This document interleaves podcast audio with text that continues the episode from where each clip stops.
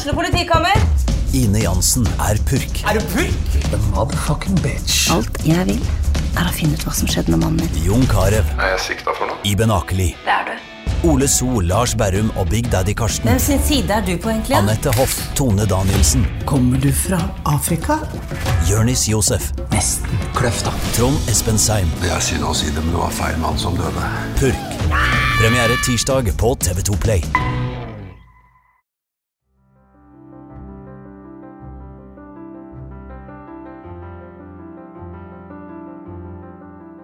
I dagens episode forteller Linn Haugland Engelsen helt ærlig om det som mange av oss anser som det verst tenkelige, nemlig det å miste et barn. Og i dag hopper vi bare rett i det. Eh, ja, men jeg heter Linn. Jeg er 30 år gammel, eh, fra Sandnes eh, og bor i København.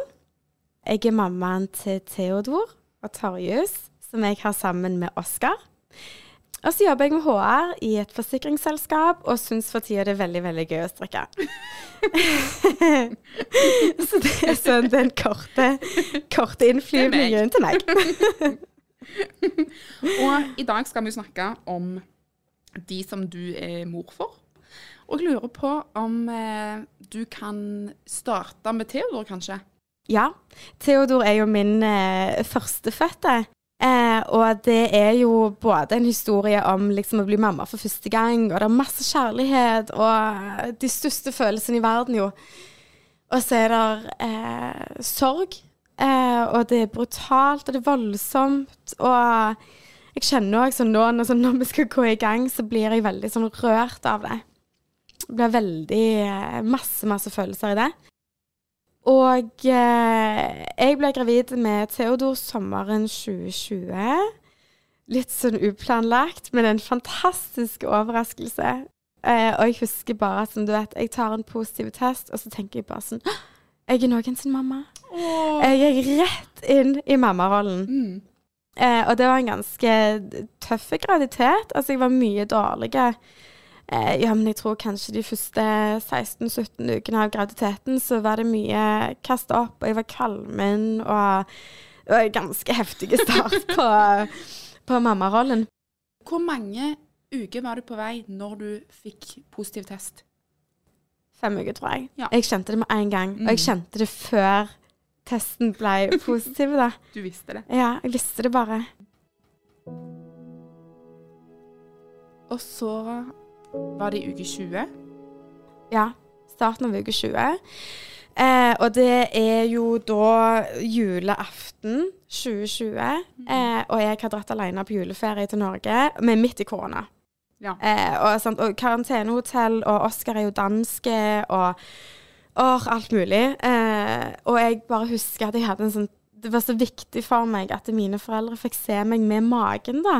Før liksom men Theodor ble født. Eh, så jeg får, vi får lagt det til sånn at jeg har innreisekarantene hos pappa. Eh, og meg og Oskar skal da ha liksom, siste jul fra hverandre før vi blir foreldre.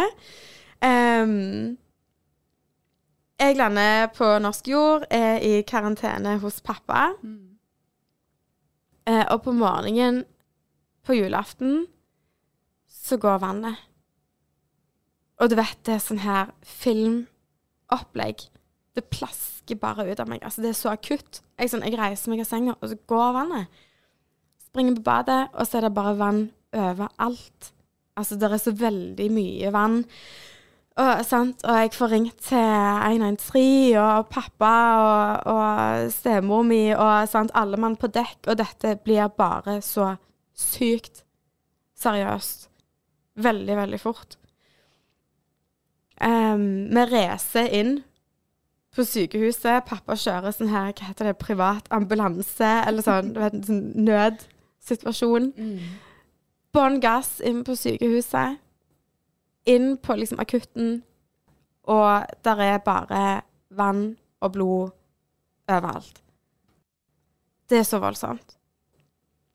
Og der er alle mulige folk. Jeg tror de er på et tidspunkt så er de fem liksom, sykepleiere, jordmødre, leger. Der er folk overalt, liksom. Og de skanner og ultralyd for å se hvordan Theodor har det. Og Og der er ingen vann igjen. Altså livmora mi er helt tomme for fostervann. Og de melder ganske sånn tidlig ut at sånn, dette er ikke bra. Dette er langt ifra liksom Altså nå er vi på vei ut, ut for de grensene som vi medisinsk kan fikse. Nå er vi på vei ut i et, et sted hvor naturen går sin gang, og vi kan ikke gjøre noe. Og de forventer nok at jeg skal føde. Altså sånn, en Vannavgang er jo starten på en fødsel. Ja. De forventer at jeg skal føde, og jeg har litt sånn her tiltagende eh, Ja, men eh, rier, da, eller sånn Presse, krampsammentrekninger. Um, så de forventer nok at jeg skal gå i fødsel. Uh, så jeg blir innlagt, og jeg føder ikke. Og så er det liksom plan B, da, på en måte, er jo at For det oppfylles jo fostervann hele tida i magen. Mm. Og hvis det kan nå fylle seg opp nok fostervann, så kan det være at vi klarer å holde ut lenge nok til at Theodor overlever. For vi er i uke 20, og vi skal gjerne være på den gode sida av uke 24 før dette går bra, da. Så vi er liksom Vi er ganske langt ifra eh, at dette har en, en, en lykkelig slutt, da. Oskar på FaceTime snakker med meg og jordmor. Vi blir innlagt, og jeg skal inn i sånn her sykehuskjortel, og der er bare blod overalt. Og det, altså, det er blod og vann, og det er så sykt heftig å stå i det. Men jeg ble innlagt. Prøver å overgi liksom all informasjonen jeg har fått til Oskar på FaceTime. Han må komme seg til Norge. Så jeg får også ringt til politiadvokaten i eh, Sandnes kommune og sikre at Oskar ikke skal på karantenehotell. Eh, for Oskar måtte jo liksom òg være en del av Det er jo hans barn òg, og jeg kan ikke stå liksom alene i det her. Og, og han må bare til Norge i en brenning, for vi må være to i dette. Når du fikk beskjed om at det kan se ut som at Theodor ikke kommer til å overleve dette, klarte du på en måte å ta det inn over deg? Nei. Fordi at plan B var jo å se om det kunne fylle seg opp nok fostervann. Og de sa til meg òg at sånn, det er en bitte, bitte, bitte bekyrende liten sjanse for at liksom Vi kan gi det et døgn og se. Fordi at det er sant, fosterhinna er jo akkurat som en vannballong. Og så er spørsmålet da om det er et stort hull i vannballongen eller et lite hull i vannballongen. Og er hullet lite nok til at vi kan gjøre noe, så kan vi på en måte holde det gående da i ja, men en måned, kanskje lenger. sant? For fostervann er jo veldig viktig for barnets utvikling i forhold til motorikk, i forhold til lungekapasitet. Uten fostervann, ingen lungekapasitet. Så det er ganske viktig at det er nok fostervann. Og jeg tenker bare det er en plan B. Den tar jeg. Take my money. Vi kjører med det. Vi går for den. Ja. Eh, og jeg tenker bare det må bare gå, det her. Jeg gjør hva som helst. Altså, jeg gir livet mitt for det her. Det må bare gå. Um, et døgn seinere, 25. desember, så skal vi liksom få svar da på om sånn gikk altså, er, er, Kjører vi med plan B eller ei? Um, eller er det her en graviditet som må avsluttes fordi at der er liksom ikke Der er ikke noe de kan gjøre. Skadene på Theodor som følge av vannavgangen er så voldsomme at det er jo Der er ikke noe å gjøre, der er ingen redning for oss. Em, så, så, så står vi liksom om morgenen den 25. er det sånn panel med barnelege og jordmor og sykepleier og overlege her og overlege der. Og det er sånn panel, føler jeg. Kom trillende inn med alt mulig utstyr, og så skal vi liksom få sjekka da om sånn Har det kommet nok fostervann? Og det har ikke det. Em, og så får jeg liksom beskjed om at sånn nå nå er det naturen sin gang som gjelder. Vi kan ikke gjøre noe for deg. Og så I det her så er det òg et perspektiv i at når du har vannavgang, så er det jo åpent opp i livmora, så du har ganske høy fare for blodforgiftning og infeksjon, og, og det kan gå skikkelig fort, og det kan bli skikkelig, skikkelig gale for mor, eller for meg, da. Så det er jo noe i at jeg heller ikke skal ryke med underveis i det her. Så Så, så, så jeg får jo beskjed om at sånn, det er ikke Dødsdommen er gitt.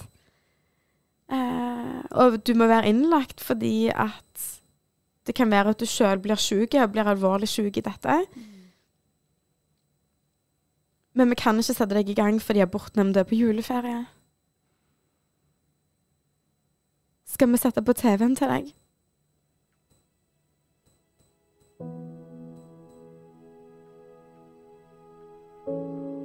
I denne situasjonen får altså Linn to valg.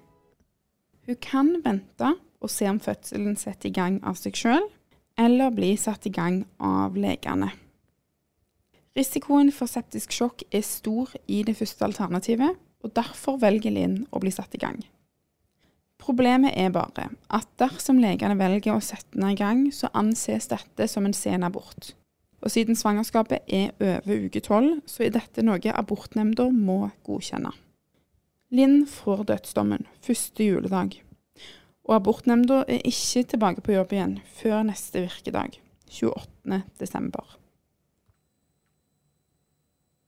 Man skal også huske på at i abortloven så kan ingen tvinge deg til å gjennomføre en abort.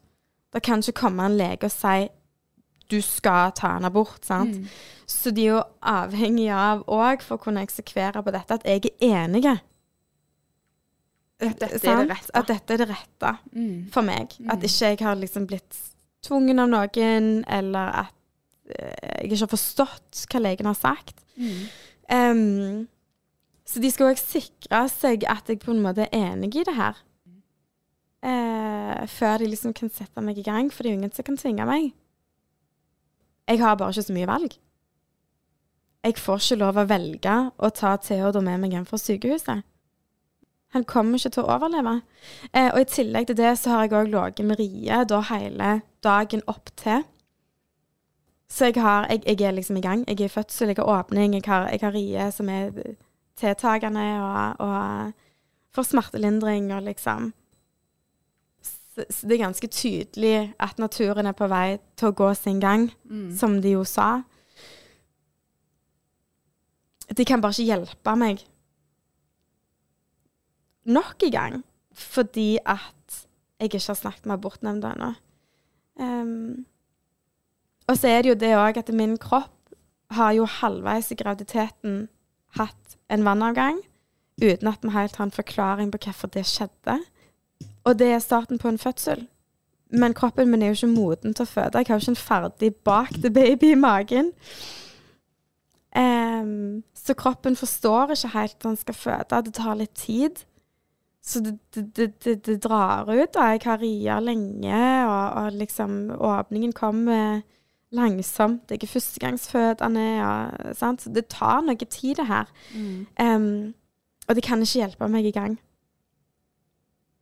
For det er et regelverk som regulerer det? Det er et regelverk. Mm. Jeg husker jo en av legen sier at hvis jeg setter deg i gang nå, så kommer jeg i fengsel.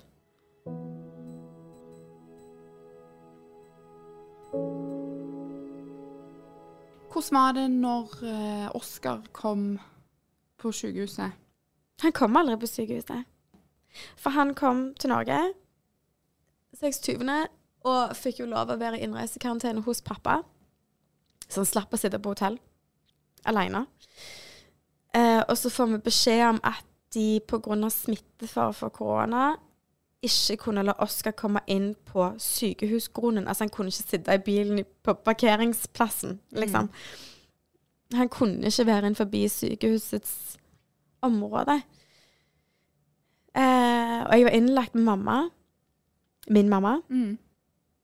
Men det er jo klart at hun var jo ikke forelderen ja. til Theodor. Mm. Det var jo ikke henne jeg skulle gjøre det her sammen med. Jeg skulle gjøre det sammen med Oskar. Um, og Oskar fikk ikke lov å komme inn på sykehuset. Jeg husker jeg prøvde sånn forhandle. Sånn her, hvis vi går ned i kjelleren mm. hvor det ikke er noen andre, og Oskar tar på seg sånn her drakt, sånn her smittedrakt ja. med sånn hjelm mm. og sant, sånn som de gjør i sånn film ja. Hvis han gjør det, kan han få lov å se Theodor, liksom? Mm. Altså, jeg kan føde nede i den kjelleren, og skal vi bare være der? Det er bare et kjempenei. Så ble jeg jo liggende da i to dager til med Oskar hjemme hos pappa mens jeg var på sykehuset. Theodor sin historie fikk ikke Oskar være en del av, fordi at han fikk ikke være på sykehuset.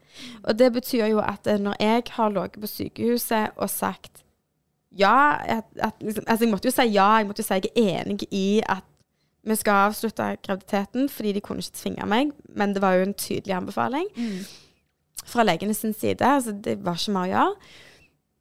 Jeg skulle si ja til det. Jeg skulle ligge i det og bli overvåka. Jeg skulle signere på abortpapirene. Jeg skulle ta rieframkallende medisin. Og Oskar var med på FaceTime. Oskar vet ikke hvordan det føltes å ligge i den senga. Han vet ikke hvordan det lukta. Han har ikke født et barn, og kommer aldri til å gjøre det. Han har aldri kjent hvordan Theodor føltes når han ennå var varm etter han ble født. Hvordan han lukta. Um, han hadde liksom ikke Han fikk ikke se hvor flink jeg var å føde. Altså, alle de tingene her har ikke blitt Det er ikke en del av Oscars historie, for han satt hjemme og var med på FaceTime. Så, så, så, en ting er liksom at det, Ja, jeg ble fraholdt liksom å, å, å, å være i førersetet i min egen fødselshistorie. Men Oskar ble jo fraholdt å være pappaen til Theodor. Han var ikke liksom viktig nok til å få være pappaen til Theodor.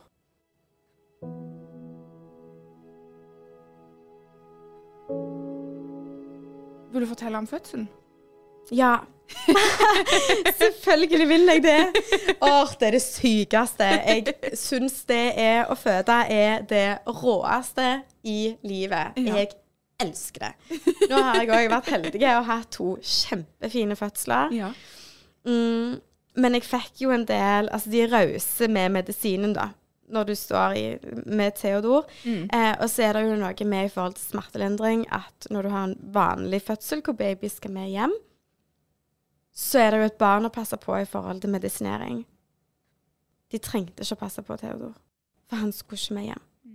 Så de var ganske rause eh, med smertelindring og alt mulig opp til.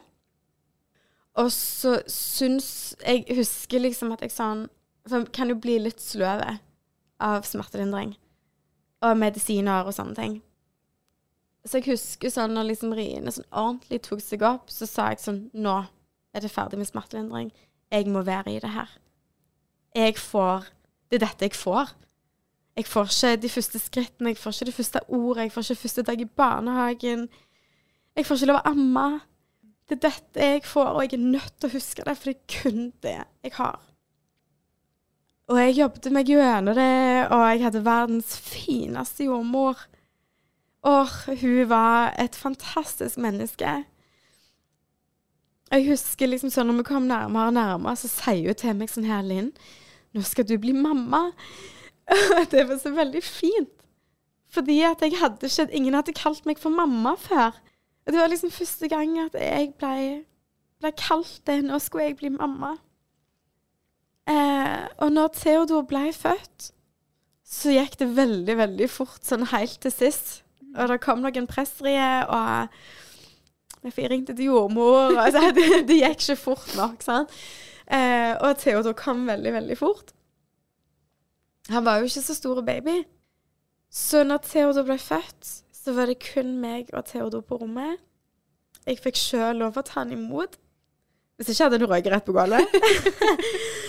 um, jeg tok han imot, og så var det noe som føltes som en liten evighet, og det var kanskje bare et par sekunder. Det var nok bare et par sekunder. Hvor det var bare meg og Theodor. Aleine der inne. Og det var så fint. um, og så kom jordmor og hjelpte meg og tok han og liksom og fikk pakket han inn. Og, og, det er jo en fødsel. Jeg skulle jo òg føde morkaka. Ja, så jeg er jo ikke ferdig. Du er ikke ferdig. Navlestrengen skulle klippes. sånn. Det er jo en vanlig fødsel, bare uten Uten grininga. Og han var så fin. Åh, fineste ungen i verden, utenom Torjus. Ja. Selvfølgelig. Um, han var så fine og velskapte og ferdige og varme og fredelige. Og jeg husker liksom den der lykkerusen når jeg fikk han opp til meg. Jeg var så lykkelig. Selv om jeg lå og holdt en død baby. Verdens verste situasjon. Så får en jo fremdeles den der lykkerusen som man får rett etter man har født et barn. Liksom får det opp til seg. Og jeg var så lykkelig, og han var så fin. Å, jeg var så stolt. Jeg fødte Theodor om kvelden, eh, og, og samme kvelden så ble han òg lagt ned på sjøl. Det, det, blir man jo når man er død. Eh, og så sov jeg i tolv timer. Jeg var helt ferdig. Jeg hadde ikke en millimeter mer å gå på. Så jeg sov. Um, og morgenen etterpå så fikk vi ringt til bedemann, og nå kommer det en shout-out. Arild Aase på Bryne. Han var altså livreddende. Nesten. Ja, men altså For vårt videre liv etter det her, så var han livreddende. Mm, for Oskar hadde jo ikke fått sitt Theodor, for han fikk jo ikke lov å komme inn på sykehuset sitt område. Så Arild han kjørte på sykehuset, henta Theodor, og så kjørte han ut på kapellet på Time kirke. Og så fikk meg og Oskar lov å komme opp der på ettermiddagen dagen etter han ble født. Theodor ble født. Og du vet, han hadde liksom pynta med Det var stearinlys, og i sånn fine kiste vi hadde valgt, og han var godt pakket inn. Mammaen min hadde strikt et sånn lite teppe, ei lita hue, mm. og det hadde han på seg ennå. Og altså, det var så fint. Og så kommer vi inn der på kapellet, og så ser vi på hverandre, og så innser vi liksom at det er første gang er foreldre i lag. For det har vi jo ikke vært før da. Det var jo jeg som var mamma. Jeg hadde gjort alt jobben. på en måte. Jeg hadde liksom snakket med legen, jeg hadde vært innlagt, signert papirer, født, valgt kiste. Altså alle de tingene her. Du hadde vært i det en stund? på en måte. Jeg hadde vært i det en stund. Mm. Eh, og Oskar hadde bare stått på sidelinja. Og liksom den der å komme inn der, og det var så fint. Og det var bare meg og Oskar og Theodor. Og Åh, det er et av de største øyeblikkene i livet mitt. ja. Og så fikk vi bare være der. Være der, og liksom Jeg fikk teppe en sånn ekstra gang rundt Theodor, og, og liksom Oskar fikk strøket litt på skinnet, og Jeg tror ikke vi sa så mye. Det var liksom ikke så mye å si, men jeg husker sånn vi snakket om at sånn Åh, men jeg hadde min nese. Det høres ut som et fint øyeblikk. Veldig fint. Åh, nå blir jeg sånn helt Det var livreddende for meg og Oskar, for å kunne liksom stå i livet videre.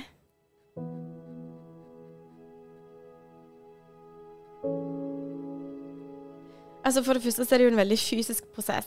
Eh, jeg hadde jo en etterfødselskropp sant, med renselse. Og når man ikke skal amme og ikke ha babyen sin med hjem, så får man òg medisin som stopper melkeproduksjon. Jeg hadde melkeproduksjon to ganger etter jeg fødte. Så jeg fikk òg liksom skulle gjennom medisin og opp til legen og uh, sant. Alle mulige greier der. Vi planla begravelse. Jeg satt og grein på en blomsterbutikk på Bryne på bakrommet og planla begravelse og bestilte blomster for sykt mange penger. Altså, altså, det skulle bare være så fint. For jeg får ikke lov å kjøpe liksom, de første skoene eller ransel eller sånn. Han skulle bare ha alle blomstene i hele verden. Oskar er veldig praktiske, så han fikk liksom ordne med forsikring og med oppfølging når vi på et tidspunkt skulle tilbake til København. Vi, vi skulle være i Norge og holde begravelse i Norge. Um, så Oskar holdt liksom fast i de praktiske tingene. Eh, jeg var i en etterfødselskropp som lengta etter et barn som ikke var der. Hadde melkspreng, var i det, og prøvde en, altså, en, en klarer jo ikke Jeg klarte ikke å pusse tennene, jeg klarte ikke å dusje, jeg klarte ikke å spise, jeg klarte ikke å drikke et glass vann. Jeg måtte ha hjelp til alt.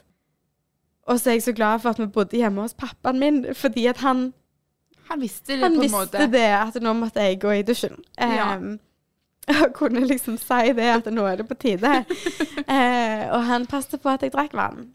Og de lagde middag. Og passet på at vi Om ikke vi hadde hodet over vann, så hadde vi iallfall mat i magen, da. Oskar trengte jo å være med sin familie. En ting er liksom å få, få støtte og hjelp av mine, men han trengte jo sin egen mamma. Sin egen familie, og liksom bli klemt av de òg. Oskar hadde et behov for å komme tilbake på jobb. Sant? Altså at det var et formål på en eller annen måte. Det var helende for han. Jeg var ikke klar til det. Nei. Jeg tror ikke Jeg tror jeg begynte som deltid å komme tilbake på jobb halvannen måned etter fødselen, midt februar eller noe sånt. Eh, da begynte jeg deltid tilbake på jobb. Ja. Mm. Hvordan var det? Det var ganske heftig. For jeg hadde jo gått på juleferie med mage, og så kom jeg tilbake uten. Så, så nå jobber jo jeg i HR, så vi fikk liksom sendt ut Jeg sendte ut en mail om at sånn Linn har hatt eh, ei ulykke og vender tilbake på jobb uten baby i magen. Em, veldig mange fine henvendelser i, i den forbindelse, men selvfølgelig òg et vanskelig tema for de fleste å være i. Døden er fælt. Ja. Vi liker ikke å snakke om det. Det gjør ikke jeg heller. Men så sto jeg der og grein med kaffemaskinen. Og noen dager så klarte jeg å reise inn på jobb, og så måtte jeg bare reise hjem igjen. Ja. Og noen dager så klarte jeg en hel dag, og andre dager så klarte jeg kanskje en halv dag. Og så måtte jeg være hjemme dagen etterpå. Så jeg hadde en veldig, veldig fin arbeidsgiver eh, da, som liksom klarte å gi plass til at dette ikke var en lineær prosess, med en sånn statisk progresjonskurve, for det var det på ingen måte. Sørger du og Oskar likt på denne tida? Nei. Veldig forskjellig. Min kropp raser med hormoner og alt mulig som foregår der. Jeg savner magen min mye, og, og liksom, ja, men jeg hadde jo melkeproduksjon to ganger. Så var liksom, det var så mye med min kropp liksom hele tida sånn um, Og det hadde jo ikke Oskar av helt naturlige årsaker. Han hadde et langt større behov for å liksom holde fast i de praktiske tingene, komme seg tilbake litt på jobb. og han, han, han, han fant mye restitusjon i å snakke med andre vanlige voksne om ikke sorg. Eh, som jo på en måte ga han energi til å komme hjem til meg og, og kunne ja, men trøste og være der og, og passe på meg og kroppen min og liksom det der. Og så skjer det noe i mars. Ja, jeg tar en positiv graviditetstest. ja, jeg blir gravid igjen. Så kom Torjus Så kom Torjus. som en komet inn i livene våre. Og jeg kjente det òg ganske tidlig, denne gangen òg, at nå er det noe på gang. Og så tok jeg en positiv test, og så ringte jeg til legen. Og så var legen, for det var så veldig kort tid etter jeg hadde født, så legen var litt i tvil om om det var kroppen min som ikke hadde slutta å produsere graviditetshormoner. Altså kroppen min forsto ikke at jeg ikke var gravid med Theodor lenger. Eller om jeg faktisk var gravid med Torjus. Og så husker jeg at jeg sånn, jeg møter på legekontoret, så får jeg sånn her Jo, jo, jeg er gravid igjen. Med en gang igjen. Ja. Og det var så merkelig, fordi det var ikke så kroppen min bare kjøpte inn på det der prosjektet fra første sekund. Jeg husker liksom at fra en dag til en annen så begynte jeg å spise. Jeg begynte å dusje uten at noen skulle si det til meg. Jeg spiste masse. Jeg heiv innpå. Altså, jeg var bare sånn her i gang. Eh, Så løye. ja, Kroppen visste det, liksom. Kroppen visste det. Og så husker jeg liksom at det sånn, jeg står og smører meg sånn skjeve nummer åtte. Sant? Og så sier jeg til Oskar sånn her Jeg tenker nok at jeg er gravid igjen nå. Ja, jeg ser, jeg tenker sånn det nå. Ja ja, la oss vente på en positiv test. Så var jeg sånn Nei, nei. Jeg vet at jeg er gravid igjen nå.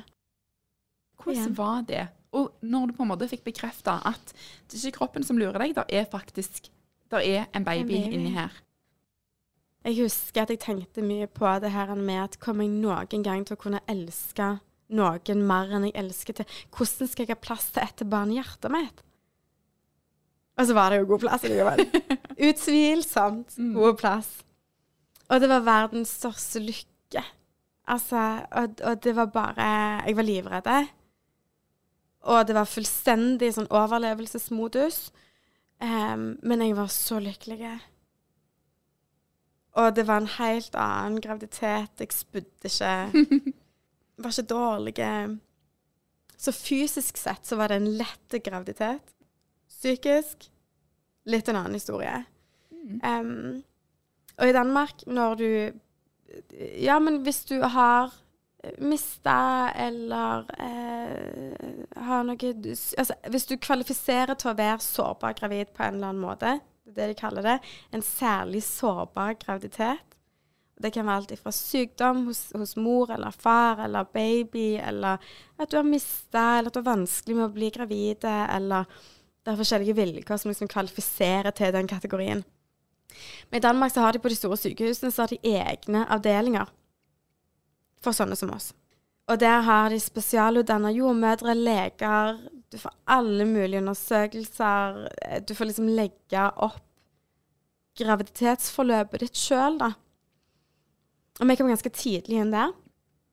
Eh, og kom inn på liksom ja, særlig sårbar-avdelingen. Og jeg tror mesteparten av graviditeten med Torjus, så var vi inne på ultralyd annenhver uke. Annenhver gang med jordmor og eh, fødselslege. Eh, og innimellom sant, så kom den der angsten, den der «Åh, 'Jeg kjenner han ikke. Å nei, å nå går det gale. Å nei, tenk hvis ikke det går igjen.' Mm, spesielt opp til sant, uke 28, da, som vi liksom kan si at da er vi ganske, ganske nærme levedyktighet. Opp til det Det var rett før vi var på fornavn. Jeg var på sykehuset hele tida. Hallo, det er meg igjen. Hei, hei. og jeg ringte inn, og, sant? men de, var, de hadde alltid plass til meg. Det var alltid liksom forståelse for at jeg trengte den oppfølgingen. Og jeg ringte på alle døgnets sider. Det var så trygt og så godt, og de var så opptatt av at sånn, du skal ha hodet over vann. Vi skal ha hele deg med gjennom denne graviditeten, sånn at du kan være en god mamma etter du har født.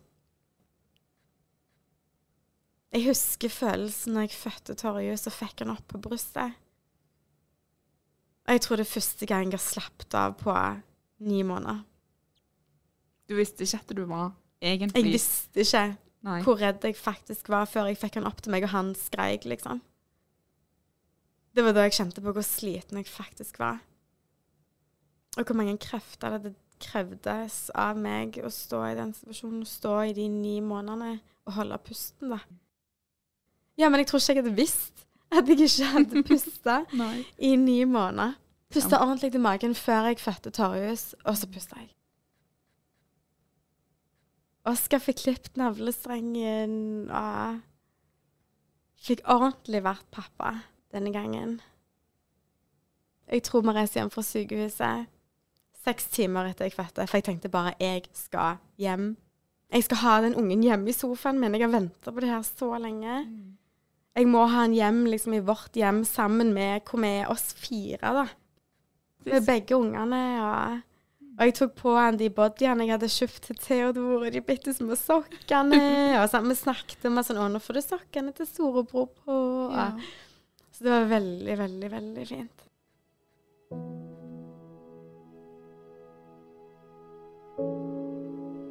Vi snakka om Theodor hjemme. Vi har noen bilder av han eh, hengende framme.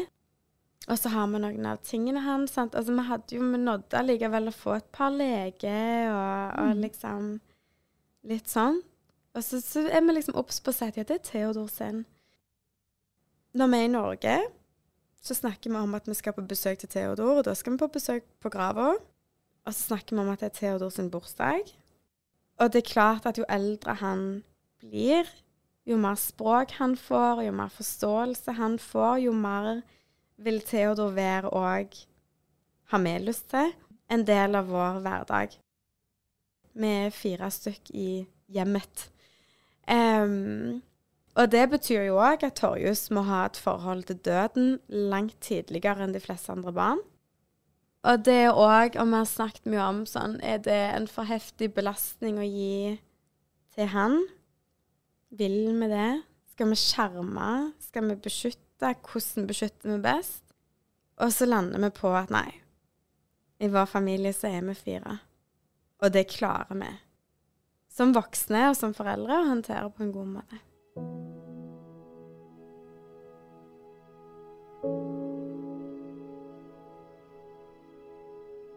Og så husker jeg òg at når jeg liksom kom hjem fra sykehuset, så husker jeg at jeg sånn De første ukene så sa jeg til meg sjøl hver morgen Jeg sto opp, så meg i speilet, og det var jo forferdelig, det synet jeg så av meg sjøl. Jeg kjente ikke meg sjøl igjen. Jeg var helt grå, og jeg så, jeg så syk ut, rett og mm. slett. Jeg var blitt veldig veldig tynn, og altså, jeg kjente ikke kroppen min igjen. Jeg hadde ikke mage lenger. Jeg eh, raste ned i vekt. Og, så så jeg meg selv i speilet, og så sa jeg En dag så kommer der en god dag. En dag blir du glad igjen. Og det tok noen måneder. Men så kom jo den dagen hvor det var jeg lurer på om det var i meg. Jeg har et bilde på telefonen min. Jeg tok bilde av sola. For det var sol. Og så ble jeg mamma igjen. Og så kom Torjus og rocked my world. altså, han er det fineste lille mennesket på hele jord. Han gir meg så mye glede og så mye livslyst og så mye takknemlighet. For jeg vet jo hvordan det er å miste. Jeg vet jo hvordan det er å mangle et barn. Og noen ganger så tenker jeg sånn litt Å, han får dobbel kjærlighet i dag. så pøser jeg på. Og klemmer han en ekstra gang og kysser han en ekstra gang. Og leker en halvtime ekstra før han legger seg. Og, sånn, og bare sånn her skrur helt opp.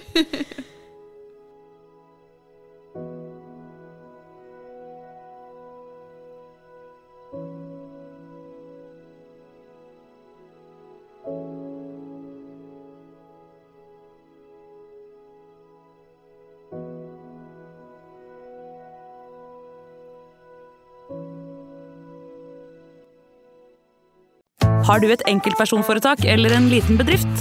Da er du sikkert lei av å høre meg snakke om hvor enkelt det er med kvitteringer og bilag i fiken, så vi eh, gir oss her, vi. Fordi vi liker enkelt. Fiken superenkelt regnskap.